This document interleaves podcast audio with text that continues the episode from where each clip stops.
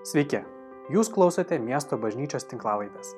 Pamokslas, kurį netrukus išgirsite, buvo įrašytas sekmadienio pamaldų metu. Meldžiame Dievo, kad Jis kalbėtų jums per šį pamokslą. Mes tęsime mūsų pamokslų seriją apie melai ir tiesos apie santuoką.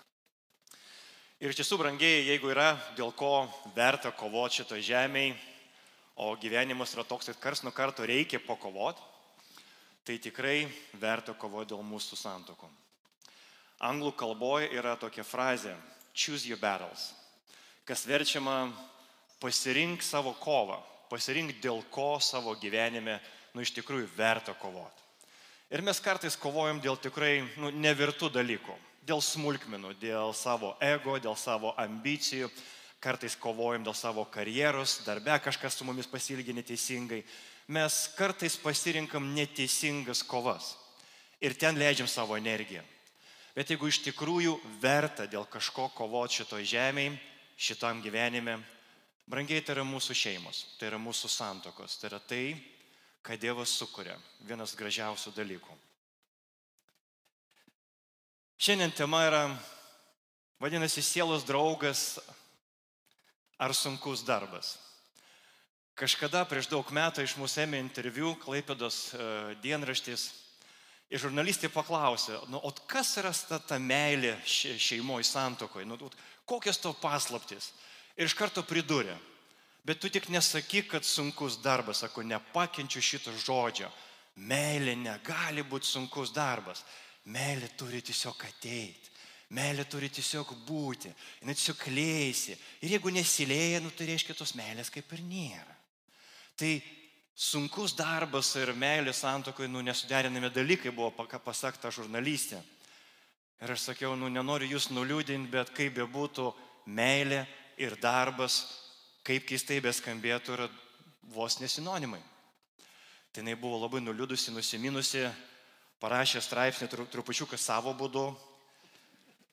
Bet kaip bebūtų, tai vis dėlto toj santokoj tas mylimasis, ar tai yra sielos draugas, tas vienintelis, nepakartojamas, kurį, kurį Dievas mums atrado, arba dar ne mums nenurodė, bet jau paskyrė ir mano darbas gyvenimo misija atrasti ir parodyti, kad aš esu to žmogaus vienintelis nepakartojamas visam gyvenimui, Dievo išrinktasis, išrinktoji. Ar vis dėlto tai yra kažkas daugiau, ar vis dėlto kažkas kitaip. Tai va šiandien pakalbėkim apie tai, ką sako raštas, ką darom, kaip mes į tai žiūrim. Na, turbūt nepaslaptys teko jums girdėti, kad žmonės karts nuo karto meluoja. Jūs tai tikrai ne, bet kiti taip. Tyrimai rodo, kad statistinis žmogus per dieną meluoja apie šimtą kartų. Nu, ką reiškia meluoja? Žmonės sako, kaip jautiesi? Nu, gerai. Nu, negerai tu jautiesi, bet gerai. Nu, kaip ir iš nenoro nuliūdinti kažką pasakėjai, bet tu tai ne visai tiesa. Darbe kažką pasakai, tai mes kaip žmonės karts nuo karto pasakom netiesą kitiems žmonėms. Aš manau, kad žmonės labiausiai meluoja ne kitiems, jie labiausiai meluoja patys savo. Ir kuo žmogus protingesnis, išmintingesnis, tuo lengviau jis save apgauna. Aplinka irgi bando mus apgauti.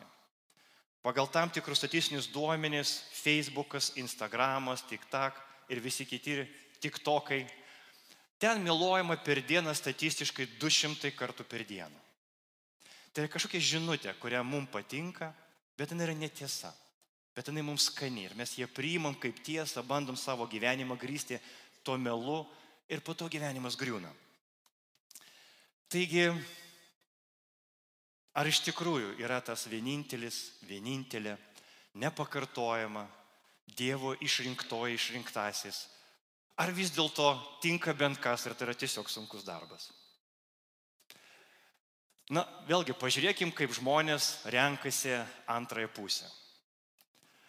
Kai ateina tas amžius, kai jau liktai ir dera kažką susirasti, nu bent aplinkinį sako, tu ką dar neturi, o dar neturi savo sielos draugo, nu mes pradėm žvalgytis, nu ir kuris tas tiks. Ir tu žvalgais, žvalgais ir staiga, o, liktai šitą nieko. Arba šitas visai toksai tinkantis. Nu, kai aptikom tinkantį tinkančią, sekantis žingsnis reikia irgi kažkaip pritraukti dėmesį. Nu, tada būtinai labai išradingas, arba išradinga, arba gražiai apsirengęs, arba kažką protingai pasakęs, arba netyčiom atsiradęs, kur jinai, jinai, arba jisai ėjo taip, hop, nu ir patraukė dėmesį. Liktai užsikabino. Hm, jau gerai, kitas žingsnis įveiktas. Tada reikia rasti būdą pradėti draugauti. Nu, pradėjom draugauti ir, ir toliau nelabai žinom, ką su to daryti. Nes taiga gyvenimas pradeda keistis. Nes taiga tu supranti, kad žmonės jie tarsi minulis. Visi žmonės turi tą šviesį arba apšvistąją pusę. Ir turi tą tamsį arba neapšvistąją pusę. Ir kai žmonės tik tai bando viens kitam įtikti, patikti, būti išrinktuoju, tu parodai tą savo šviesiausią įmanomą pusę. Ir visus tos tamsius dalykus tu kiši į savo tamsesnę, neapšvistąją pusę, parodysiu vėliau, nustebinsiu, kai ateis laikas. Ir kaip mes pradedam draugauti, staiga tas žmogus nus negali visada suktis arba į tave atsistų tik tą šviesėje pusę, kars nuo karto pamiršta ir parodo trupučiuką kraštelį kitos tos tamsesnės pusės. Ir tu taip, o. Hm, Anksčiau to nebuvo. Jisai dar ir tokius žodžius žino. Pasirodo, ne visada toks mandagus ir ne visada duris atidaro. O jinai pasirodo, ne visada ruošia valgyti, kartais neruošia valgyti. Kartais valgo beleką, val, val, kartais valgo belekiek. Hmm. Hmm. Ir tada atsiranda labai daug abejonių tai gal vis dėlto aš apsirikau. Man tik iš pradžių pasirodė, kad yra tas vienintelis Dievo išrinktas arba išrinktoji. Nes ta tamsioji pusė man nelabai patinka. Matyt, apsirikau. Tada šitą palieku ir einu ieškoti kito menulio, kuris irgi kol kas geba iš visų įmanomų jėgų į tave atsisukti tik pačią gražiausią pusę nu kiek tos pusės beliko. Labai įdomu, kaip žmonės taip pat uh, renkasi kitą žmogų. Mes gal taip nekalbam, bet dažnai taip elgėsim. Elgimės. Kiekvienas turim savo sąrašą. Ir aišku, kuo tu esi jaunesnis, tuo tas sąrašas trumpesnis ir dažnai liečia išorę. Kai tu esi brandesnis ir tau jau virš liolika, tavo sąrašas pradeda ilgėti. Ir tu taip eini, pamatai žmogų.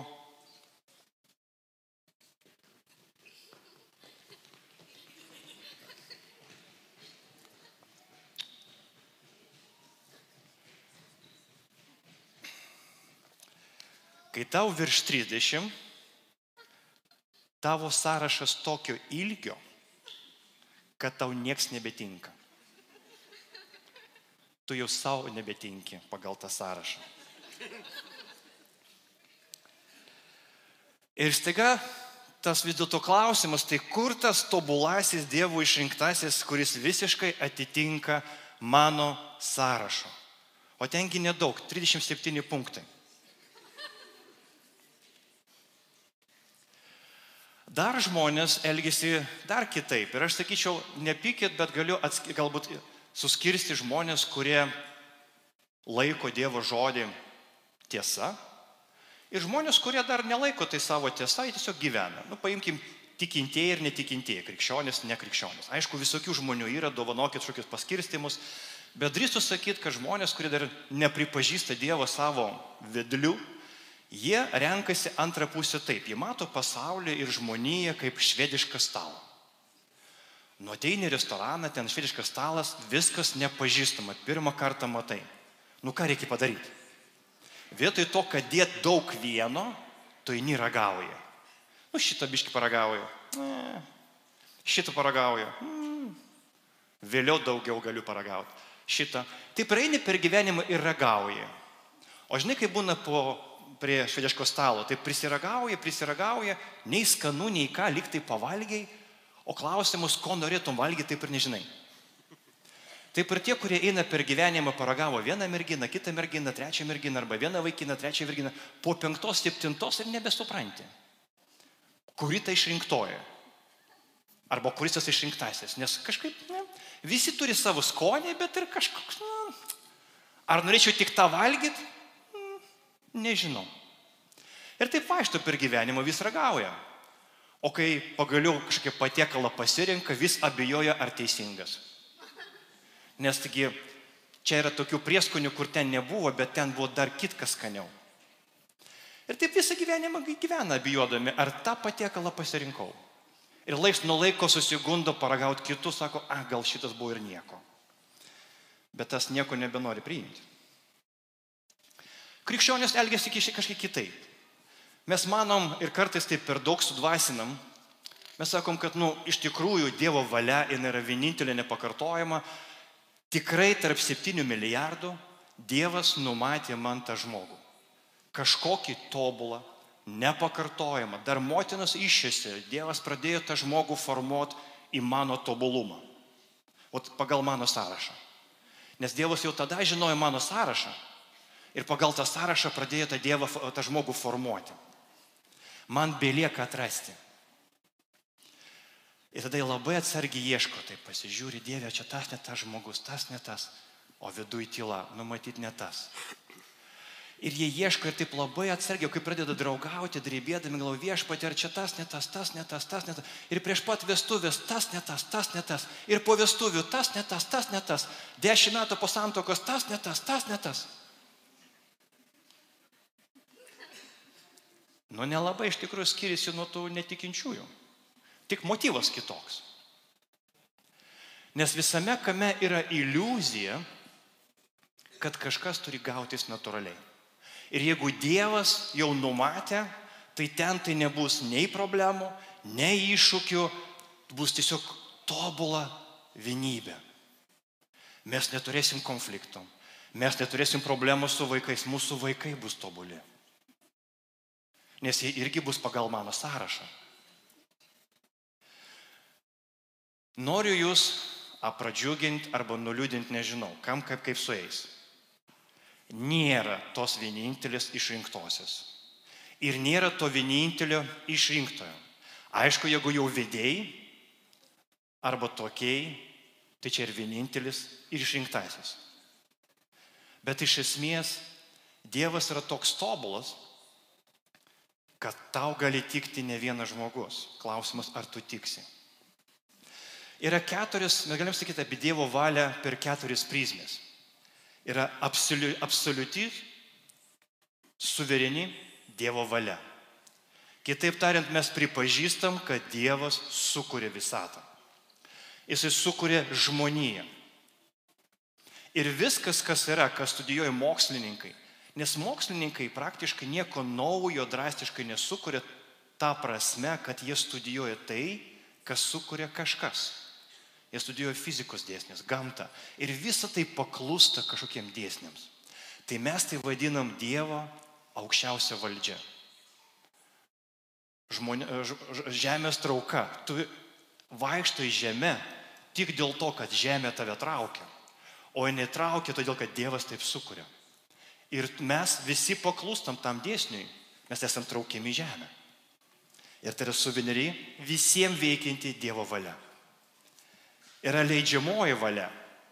Tai Dievas savo kūrinyje paliko daug tokių patarimų, nurodymų arba įstatymų, kur jisai leidžia arba neleidžia kažką dėl mūsų pačių sveikatos. Ir žmogaus laisva valia yra vienas sunkiausių Dievo dovanų, nes reikalauja daugiausiai brandos. Ir Dievo leidžiamoji valia suteikia žmogui laisvą valią.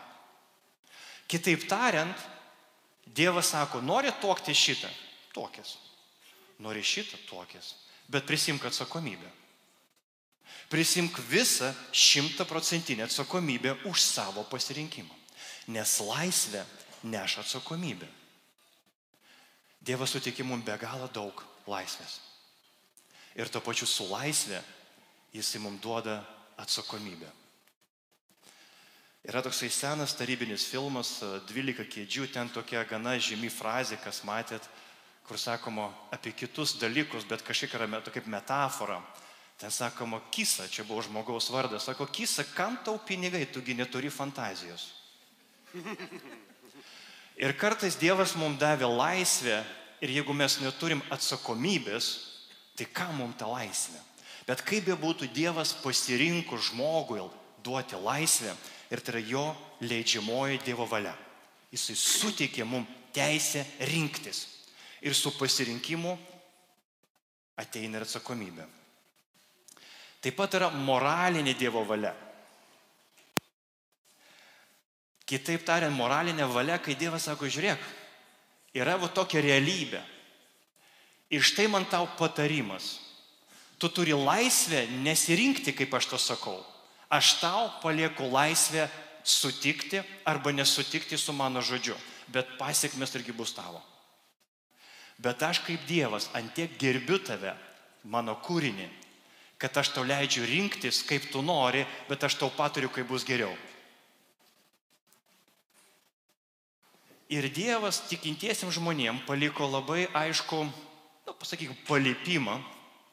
Jeigu tu nori rinktis antrąjį pusę, jeigu tu nori tuoktis, tai svarbiausia, kad tas žmogus būtų mano mokinys. Svarbiausia, kad tas žmogus būtų tikinti žmogus. Taip, tu turi laisvę to nesirinkti bet ir pasiekmes bus irgi tavo. Tu turi laisvę rinktis tai. Ir tuomet kai kurie dalykai bus paprastesni. Dievas sutikė žmonėm labai daug laisvės ir tuo pačiu Dievas turi tam tikros valios, kurią mes renkamės priimti arba nepriimti. Pradžios knygoje antram, antram skyriuje, 16-17 eilutė mes skaitom. Viešpats Dievas įsakė žmogui, Nuo kiekvieno sodo medžio tau leista valgyti, bet nuo medžio pažinimų gero ir blogo nevalgyk. Nes tą dieną, kurią valgysi, po vaisių tikrai mirsi. To vaisių atsiprašau. Taigi, ar mes galim rinktis nevalgyti? Taip, ar mes galim rinktis valgyti? Taip, bet pasiekmes vis vien bus mūsų. Ar tu gali vesti netikinti žmogų? Aišku, Dievas neteis su lasda netrenks bet pasiekmes irgi bus tavo. Tavo bus pasiekmes, kai tau reikės rinktis, ką darys sekmadienio rytą. Pasiekmes bus tavo, kai tau reikės rinktis, ką daryti su vaikais. Ar vesti juos į bažnyčią ar nevesti. Pasiekmes bus tavo, kai reikės vieno bendro vardiklio, tu jo neturi. Nes kas tau vertybė, su toktiniu yra nevertybė. Nes tiesiog a priori iš pradžios buvo kitaip. Ir Dievas, suprasdamas, kiek aštriai tie klausimai gali iš, išlysti vėliau, sako, rinkis išmintingai. Rinkis išmintingai. Pirmo korintiečiams 7 skyriuje 39 eilutė mes skaitom.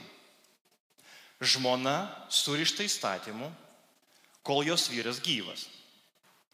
Vyrui mirus ji laisva ir gali tikėti už ko nori, tik viešpatyje. Ir čia aš noriu pabrėžti būtent žodį tik viešpatį, tiek žmona, tiek vyras. Nes gražių žmonių yra labai daug, protingų žmonių yra labai daug. Tų, kurie atitinka tavo sąrašą, tokių žmonių yra. Bet Dievas sako, nepaisant to žmogus atitinka ar netitinka tavo to menamo sąrašo, įsitikink vieno, Jeigu pats save laikai mano mokiniu ir esi krikščionis, įsitikink, kad tas žmogus taip pat yra krikščionis. Dažnai girdžiu frazę, bet jeigu aš ją vesiu arba aš ištikėsiu už jį, aš laikui bėgant padarysiu viską, kad ir jisai tikėtų arba jinai tikėtų. Nes kur jam bus dinkti? Arba kur jai bus dinkti? Tikrai tikės. Ir realybė parodo, kad gali neįtikėti. Ir patirtis rodo, kad tai gali tapti suklupimo akmeniu. Ir tada kaip šauktis ir kino šauktis pagalbos. Antro korintiečiams šeštas skyrius, 14-15 mes skaitom. Nevilkite svetimo jungo su netikinčiais. Kasgi bendro tarp teisumo ir nusikaltimo? Ir kas bendro tarp šviesos ir tamsos? Kaipgi galima gretinti Kristų su Biliaru? Arba kokia dalis tikinčio su netikinčiu? Ir vėlgi suprasti, reikia teisingai, kad netikinti žmogus santokoje gali elgtis labai teisingai. Netikinti žmogus nėra blogesnis žmogiškąją prasme. Mes tik kalbam apie tai, kad tavo svarbiausios vertybės nesutampa su to tavo kitų svarbių žmogų vertybėmis. Ir tai, dėl ko tu esi pasiruošęs aukotis, jisai tiesiog nebus pasiruošęs dėl to aukotis. Ir kai reikės padaryti teisingus sprendimus, tau tai bus iššūkis. Ką tai reiškia tau, jeigu dabar esi santokų su netikinčiu, ar tai reiškia, kad tu turi išsiskirti, gink dievė, ne, nes ir apie tai irgi kalba viešpats. Kad jeigu taip yra, tu toliau gyveni ir mildėsi, kad Dievas atvertų tam žmogui akis. Ir tu esi tam žmogui galimybė pažinti Dievo meilę. Ir tu esi tam žmogui mylėti jį, o ne bausti jį už tai, kad jis yra kitoks negu tu. Tačiau Dievas sako, būkim išmintingi prieš darant galutinį sprendimą. Taigi, ar egzistuoja tas vienintelis ir nepakartojamas Dievo nurodytas, Dievo numatytas? Turbūt, galbūt. Būna atvejs, kai Dievas iš tikrųjų, iš tikrųjų tau pasakys, štai tavo išrinktasis.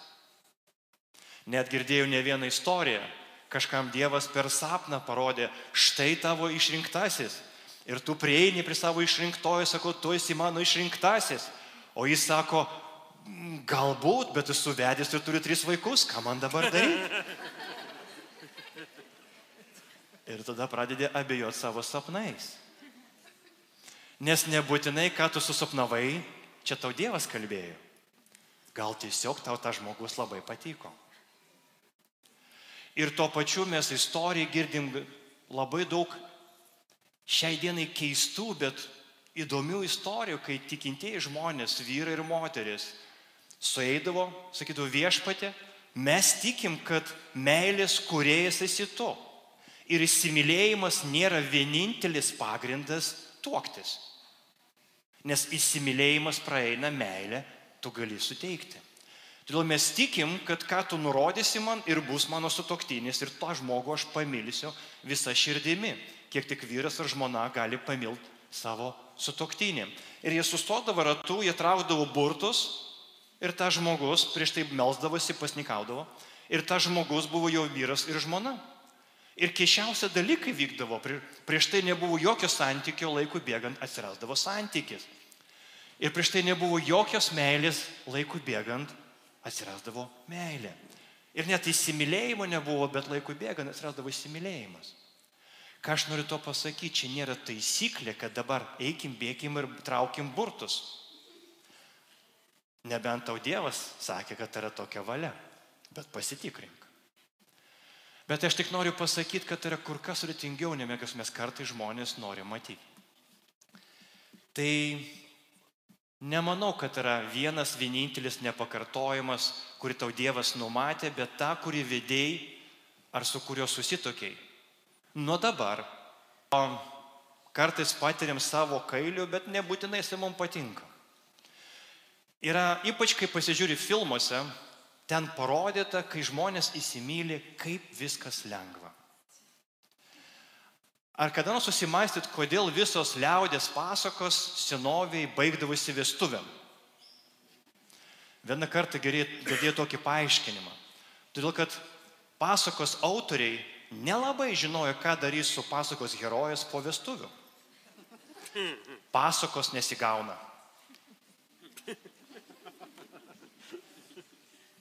neišeina paversti viso to, kas ten vyksta, pasaka. Nes matyti realybė kažkaip kitokia. Ir kai mes patiriam tą didžiulį skirtumą tarp to, kas buvo iki ir po, tai iki, ypač kai pasižiūri teisingus filmus, romantinius, ir aš ne prieš romantinius filmus, bet kartais jie įneša tam tikrą iškreipimą į mūsų supratimą.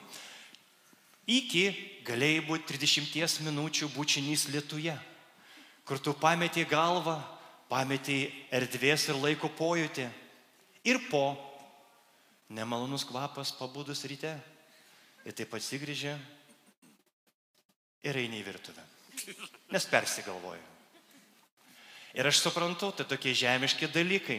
Ir kas dabar atsitiko? Ar aš nebemyliu? Ar kas čia kažkas blogo? Ne, čia tiesiog dalys to paties.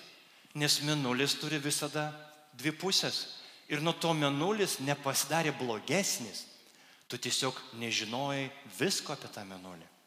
Tu negali paimti minulį tik tai šviesiai pusę. Jeigu tu imi minulį, minulis yra visas pilnas, su viskuo. Ir tu vedi arba tokiesi už visą žmogų, o ne tik tą gražią, romantišką, skaniai kvepiančią pusę. Arba tu atsimeni, kaip jinai arba jisai tau parašė dešimties puslapių meilės laišką, kurį tu skaitėjai tiek kartų.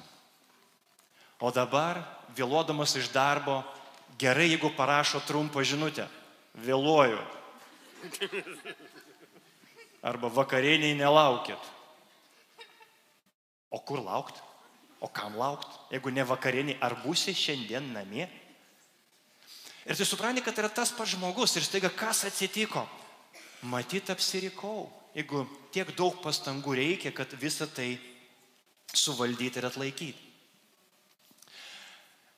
Vienas autorius pabandė pratesti Romeo ir Džiulietos santokos istoriją. Santokos iš tikrųjų nebuvo, ta, ne? jie mirė pakankamai jauni, nežinau ar savo laimę ar ne, bet mes, žavi, žavi, nu, daug kas žavėsi Šekspyro tą meilės istoriją, kaip aistringai jie mylėjo viens kitą. Vienas norėjo jai dainuoti po balkono, trečia norėjo iššokti iš to balkono, iš tos meilės, atiduoti viską dėl jo, esi viską dėl ją, net gyvybę. Ir mačiau tokią vieną spektaklių trumpą, kaip atrodytų jų meilės istorija po santokos. Galima.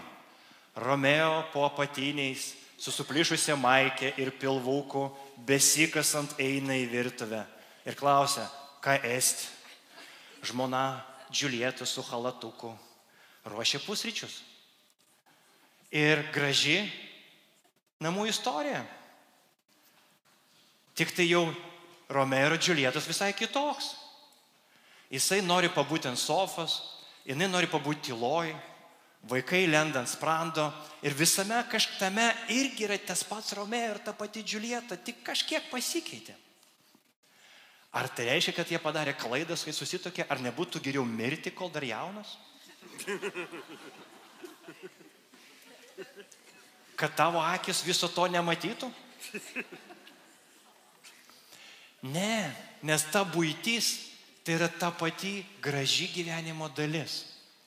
Būtyje irgi yra grožio, kitokio grožio. Ir tas grožis skiriasi taip pat, kai, kai ateini pirmą kartą į bažnyčią. Oh, koks šlovinimas, koks pastorius, kokie žmonės, jie šypsosi. Taip nuoširdžiai. Jie taip nuoširdžiai dėkoja viens kitam. Ir tie patys žmonės, tai toje būtyje yra daug grožio. Tik tą grožį reikia kurti. Kaip ir pavasarį sodas atrodo labai purvinas. Ten daug molio, daug žemės, daug visko, daug purvo. Šalta, drėgna. Bet tam, kad vasarą, kai bus šilta, ten atsirastų grožio, tu pavasarį pradedi ir mėsi kažką sodinti. Tu reikia išrovėti žemę, reikia įkišti rankas į dirvą, į purvą, susipurvinti, susinepatoginti. Bet tu tiki, kad iš to dirbožėmio, iš to purvo galim padaryti daug grožio. Tas grožis tame jau yra. Ir reikia tik atgaivinti. Ir tai mūsų rankose. Ir toj būtyje yra daug grožio. Tikrojo grožio. Gilaus grožio, kasdienio grožio. Tik tą sodą reikia puoselėti. Tik tą sodą reikia neapleisti. Neužleisti pikžalės užaukti. Ir taip ne visada auga tai, ką sudinai. Ir kartais reikia prižiūrėti, kartais reikia nusilenkti, pasilenkti, tam, kad kažkas išauktų. Bet brangiai, būtyje yra daug grožio, bet tą grožį reikia kurti kartu. Jis savaime neatsiranda.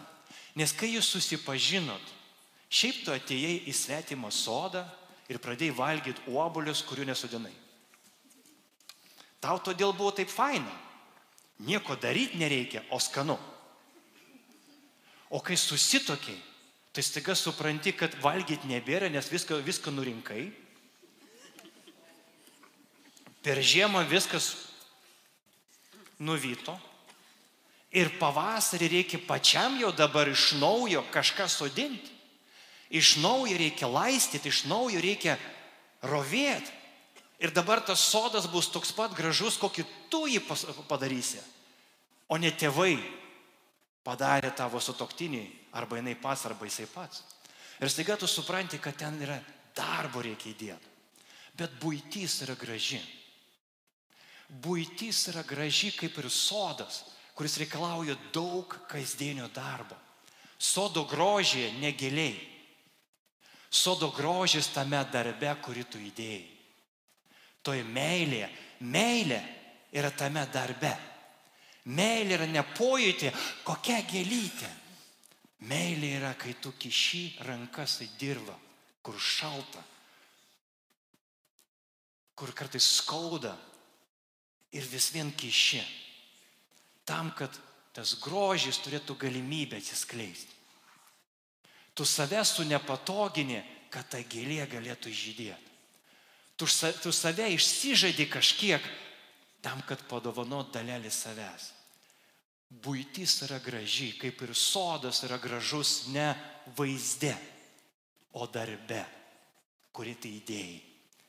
Ir kuo daugiau darbo įdėjai į sodą, tuo tas sodas tau gražesnis.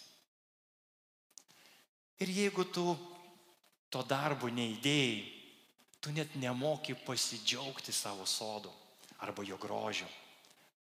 Nes tai ne tavo grožis ir ne tavo meilės išraiška. Taigi sielas draugas, jeigu nori, tai ne tas draugas, kuris atėjo tiesiog žavėtis tavo vaisiais, kurių nesodino. O tai yra žmogus, kuris sutinka išsižadėti dalelį savęs ir padovanot dalelį savęs tau, kad kartu kurti tą sodą. O sodas, kaip ir bent koks sodas, turi laikmečius. Yra vasara, kai gera, tu mėgaujasi. Yra ruduo, kai reikia nurinkti vaisius. Yra žiema, kai šalta ir reikia sušildyti viens kitą. Nes jeigu tu nesušildysi viens kitą, tau bus šalta. Senajam testamente skaitom, jeigu žmogus yra vienas, kaip jis susišildys. Bet kai vienas glaudžiasi prie kito kartu, jie kažkaip sušildys viens kitą. Taip ir toj santokoj. Tu sušildai viens kitą savo atitirpstam, bet dar šalta. Ir reikia pradėti jau kažką auginti, kažką sodinti kartu. Kai reikia su viltim, su tikėjimu, kad tikrai praauks. Sodinti kartu. Ir būna tai, kad tu sodini, o sutoktinis jau pavargo sodinti. Jis jėgos nebeturi. Bet tu nepasiduodi, tu vis vien sodini. Nes tu tiki, kad Dievas, o tame ir parodė savo stebuklą. Kad kai tu didi savo širdį, didi savo meilę į tą procesą, vaisius bus. Ir meilė atsigaus. Ir romantika ateis. Bet būtis yra graži, ne gėlėje bet auginimo procese.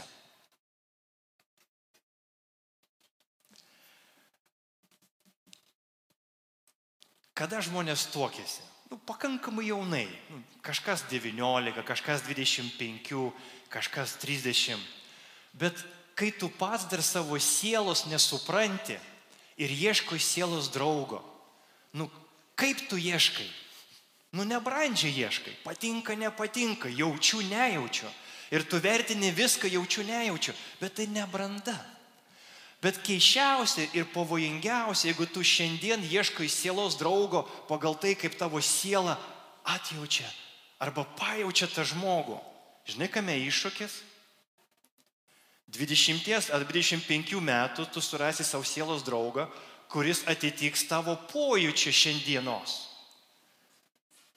tik tavo 35 siel, metų siela atrodys kitaip. Tai ką keisi sielos draugą?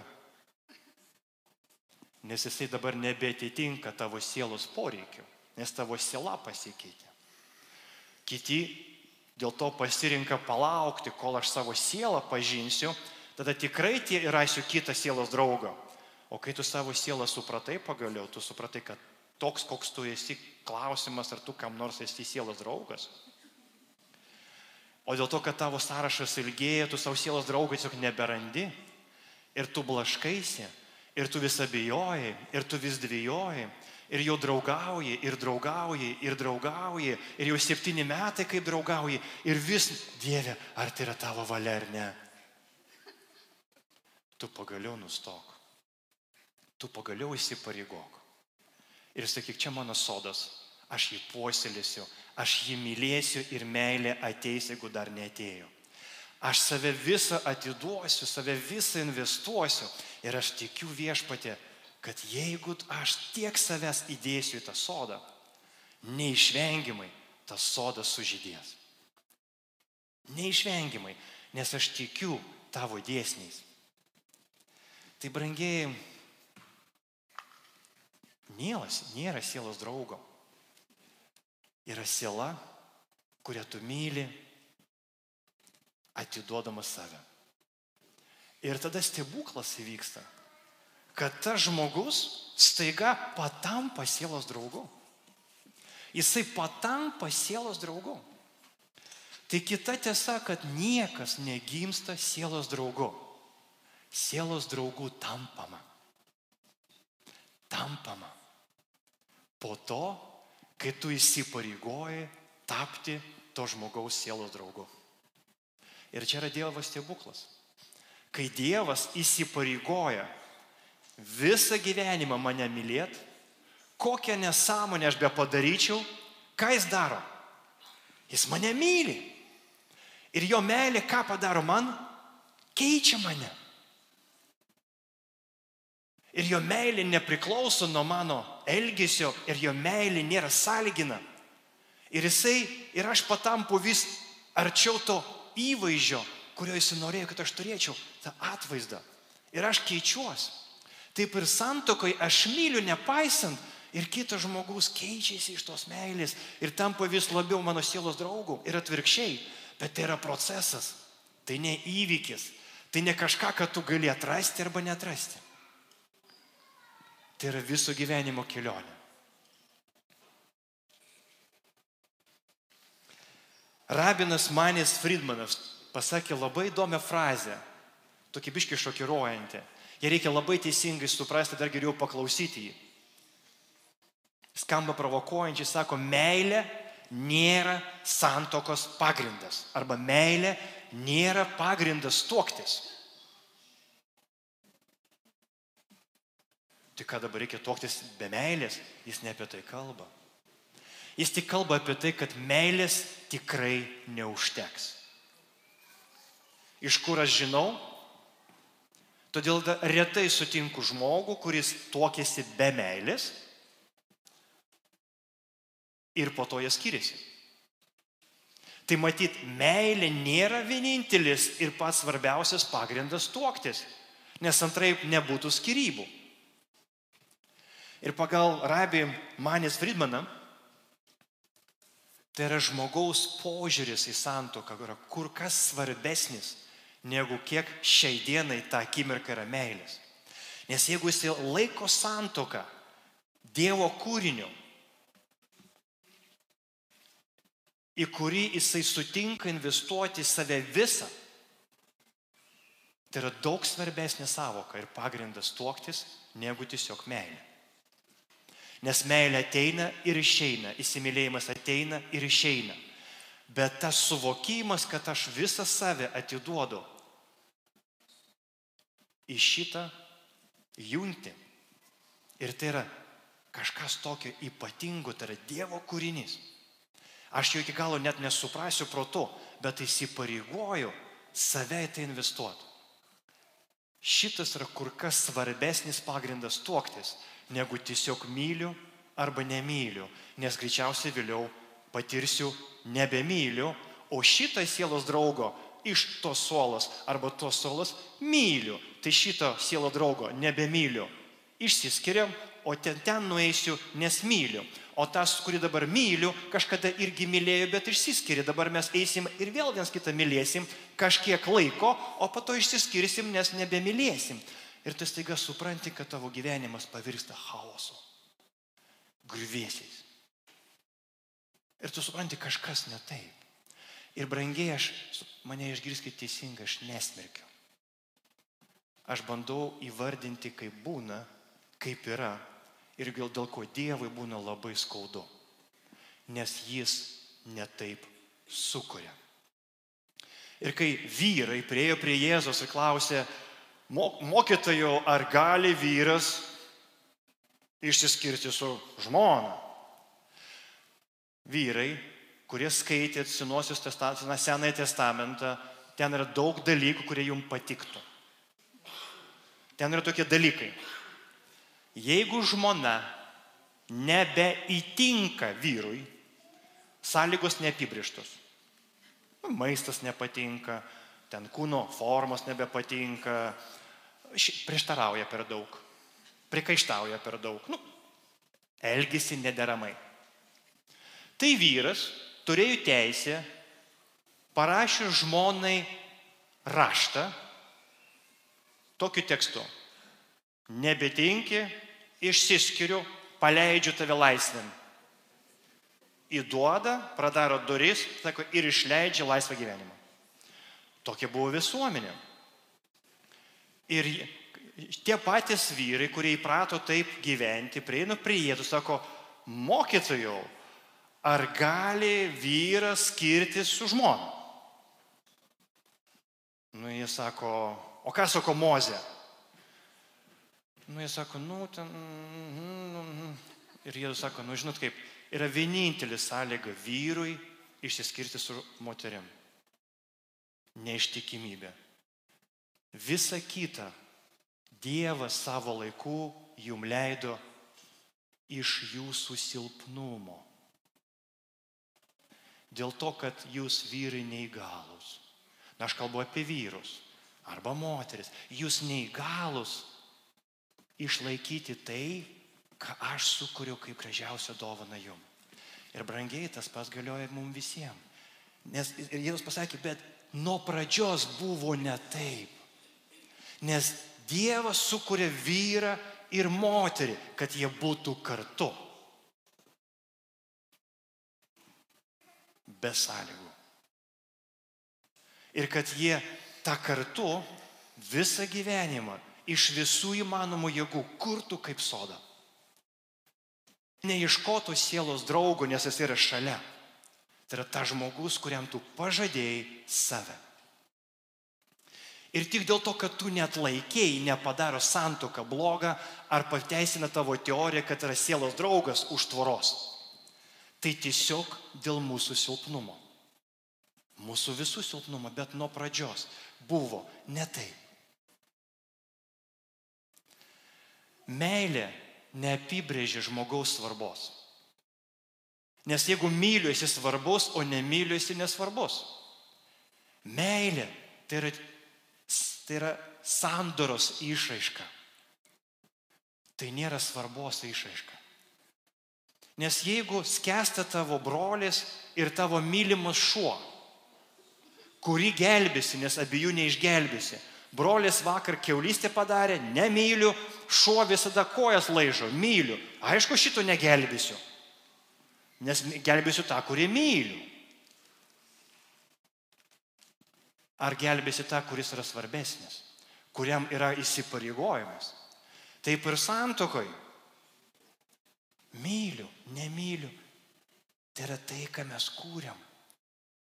Ir tas ateina ir išeina, bet Dievas sako, aš sukūriau sodą ir aš suteiksiu ir meilę, ir jėgų, bet jeigu tu savo širdį laikysi tai pačių svarbiausių dalykų, irgi tu laikysi save sodininku, ne vartotoju, kuris atėjo valgyti iš sodo, kurio nesodino, bet kartu auginti sodą, nes būtis yra graži. Būtis yra graži, jeigu mes padarom ją gražią savo rankom. Taigi antras mitas, kad jeigu viskas taip sunkiai, tai matyti ne Dievo valia. Ne. Kaip ir sodas sunkiai auga, taip ir šeima, santoka. Tai yra sodas, kuris reikalauja pastangų. Kartais ypatingų pastangų. Kartais pasiaukojimo. C.S. Lewisas pasakė, jeigu esi pašauktas mylėti, tada paprasčiausiai pasirengti elgtis taip tarsi myli. Ir kai elgiesi tarsi myli, pamatysi, kad meilė ateina. Aš manau, tai yra kita, kita protų nesuprantama, bet moksliškai paaiškinama Dievo dovana. Kad žmogus, kuriam tu, į kurį tu investuoji labiausiai, tu galiausiai jį pamilsi. Tam yra aibė pavyzdžių istorijai. Kai žmonės, kurie visiškai nemylėjo viens kito, net nepatikdavo viens, kit, viens kitam.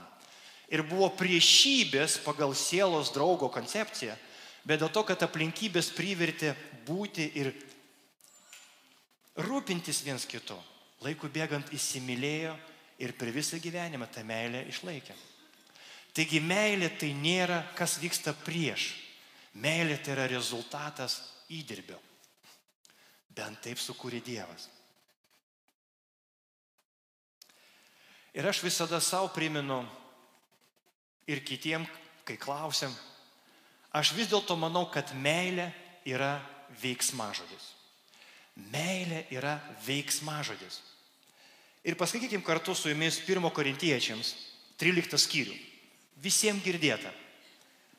Nuo 4 iki 8 eilutės. Meilė kantri ir maloni. Meilė nepavydė. Meilė ne, ne, nesigiria ir neišpuiksta.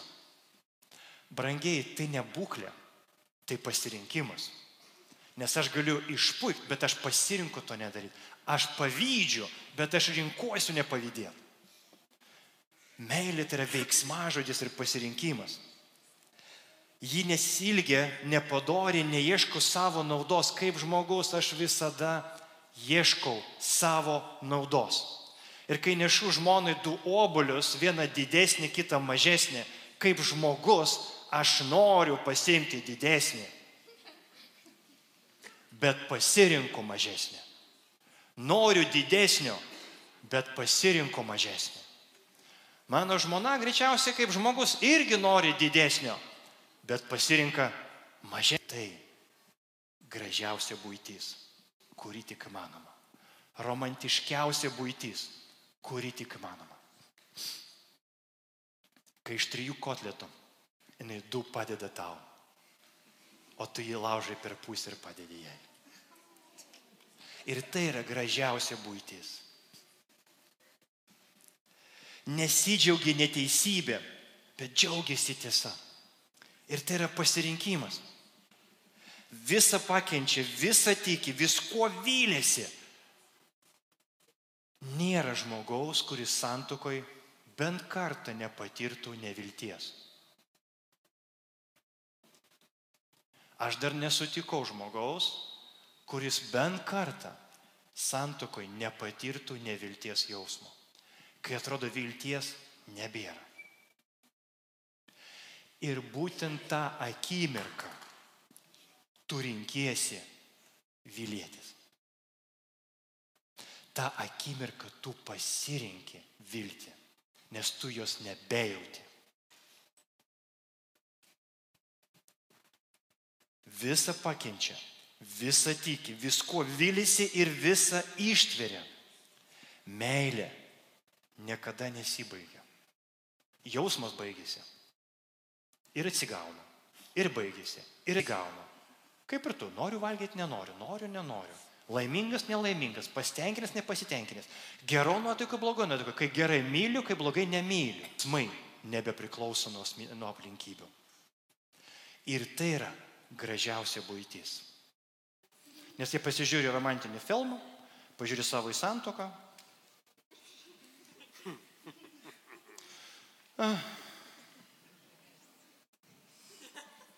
ir pasirinka žiūrėti romantinius filmus ne todėl, kad romantiniai filmai yra blogis, todėl, kad jie neinvestuoja save ten, kur to labiausiai reikia. O lygina ir liūdi dėl to, ko neturi. Nes romantiniai filmai, kokie be būtų ilgi, visada baigėsi vestuvėmis.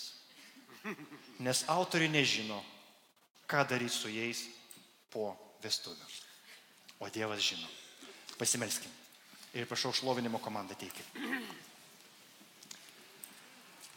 Mūsų viešpatė mes tau dėkojam už dovaną, kurios iki galo kartais nesuprantam, nemokam ją naudotis, nederamai naudojamės.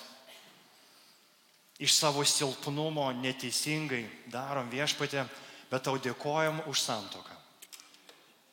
Mes tau dėkojam už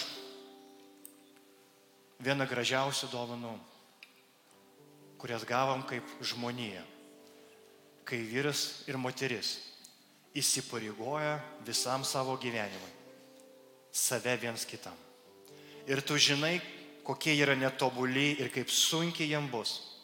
Ir tuo pačiu pasakai, aš būsiu su jumis per visas dienas. Per laimingas ir nelaimingas per lengvas ir sunkes tu pažadėjai visada būsi su jumis, mes tikėjimu tai priimam, tikėjimu viešpatė. Viešpatė padėk mums kovoti teisingas kovas. Ne prieš sutoktinį, bet už sutoktinį. Kovoti ne su jo nuodėmėm, bet už jo išlaisvinimą. Kovoti ne prieš mūsų vaikų klaidas, bet už jų tyrumą, už jų išmintį, už jų meilį tau. Viešpatė padėk mums pasirinkti teisingas kovas. Ne kovoti prieš, bet kovoti už. Viešpatė padėk mums visą gyvenimą, kiek esam gyvi, pasirinkti kovoti už meilę, už santoką, už sutoktinį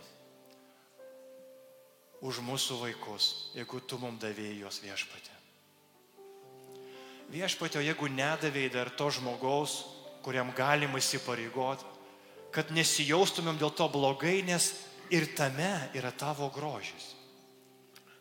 Ir tame yra tavo paliepimų, jeigu esi be antros pusės, Dievas yra tavo antroji pusė. Jisai nori būti toj dvasiniai santokoj su tavim. Ir tame irgi yra daug grožio. Tame irgi yra daug meilės.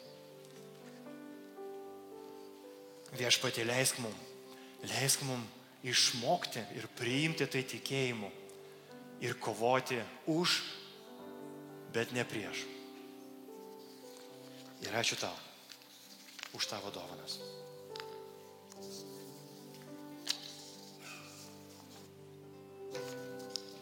Amen.